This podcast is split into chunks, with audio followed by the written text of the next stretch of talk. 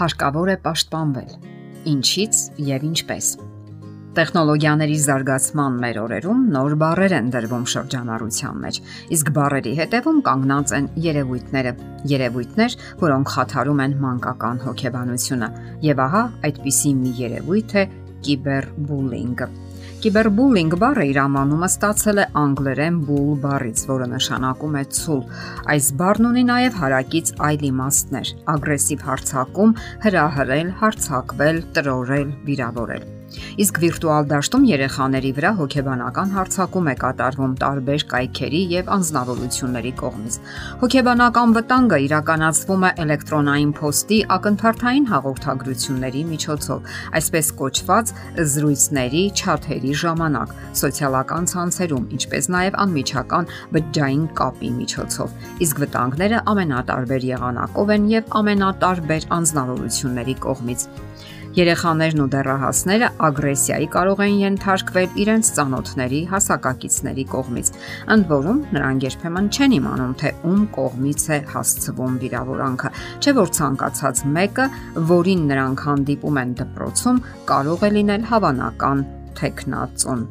իսկ տեղեկատվությունը մեկ անգամ հայտնվելով համացանցում կարող է դուրս գալ սահմաններից։ Դրանք կարող են լինել սպառնալիքներ, նվաստացում, վիրավորական նկարներ եւ այլն։ Եվ ահա զոհը լուրջ տարապանքներ է կրում, ընկնում է ինքնագնահատականը, նվազում է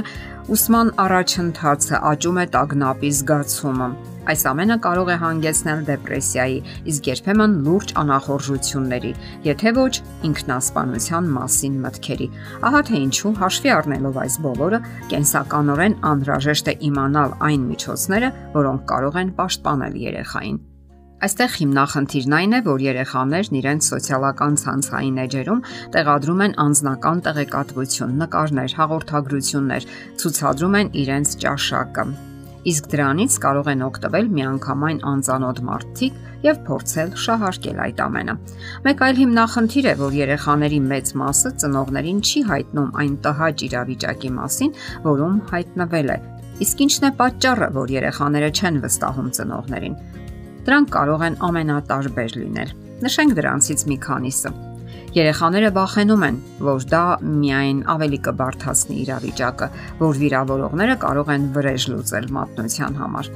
Երեխաները մտածում են, որ մեծահասակները ոչինչ չեն անի եւ չեն միջամտի հիմնախնդիրը լուծելու համար։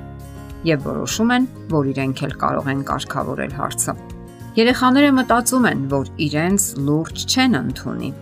Ահա թե ինչու տեղեկատվական տեխնոլոգիաների մեր դարաշրջանում ծնողները պետք է խիստ մեծ ուշադրություն եւ զգոնություն ցուցաբերեն։ Եթե դուք նկատում եք, որ երեխան համացանցից օգտվելուց կամ SMS հաղորդագրությունը կարդալուց հետո շփոթահար է կամ տագնապած, խուսափում է հասակակիցների հետ շփումներից, վատթարանում է ուսումնական գործընթացը եւ այլ տագնապալի նշաններ, ուրեմն ժամանակն է միջամտելու։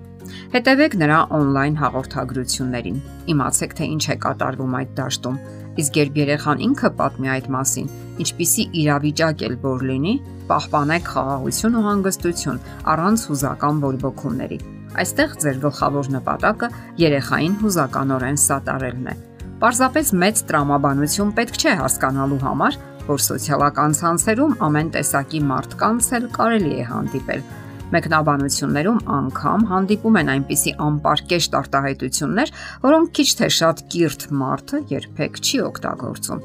Այսօր արդեն շրջանառության մեջ է մտել մեկ այլ արտահայտություն՝ sexting, որը առաջացել է անգլերեն sex եւ texting բառերից, այսինքն համացանցի միջոցով անպարկեշտ բովանդակությամբ հաղորդագրություններ են ուղարկում։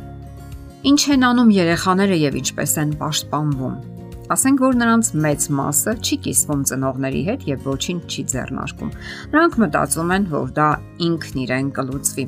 Շատ ծնողներ էլ կամ չեն գուշակում, կամ էլ պատահաբար են իմանում, բացելով երեխայի հաղորդագրությունները։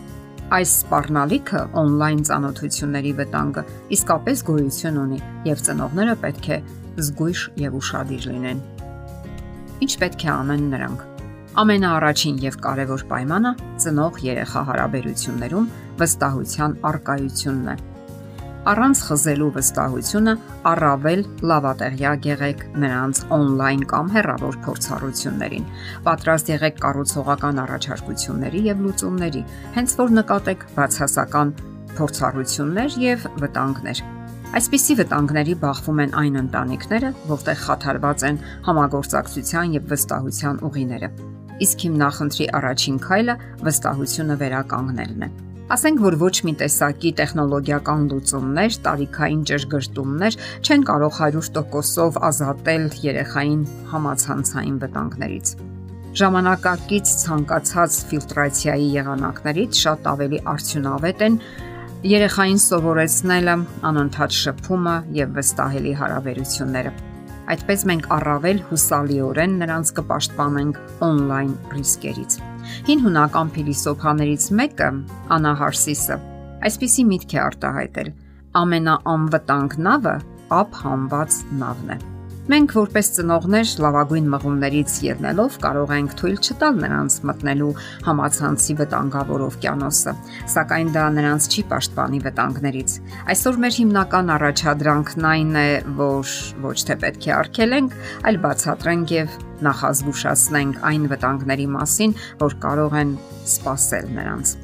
Կարևոր է դեռահասին սովորեցնել, թե ինչպես լողա օվկիանոսում եւ խուսափի վտանգներից։ Պետք է սովորեցնենք նաեւ, որ նա տիրապետի անվտանգ համացանցային կանոններին։ Թե ինչ եղեք ձեր զավակների վստահելի բարեկամը եւ նրանք չեն վախենա եւ չեն ամաչի դիմել ձեր օգնությանը։ Եթերում ընտանիք հաղորդաշարն է։ Հարցերի եւ առաջարկությունների համար զանգահարել 033 87 87 87 հեռախոսահամարով։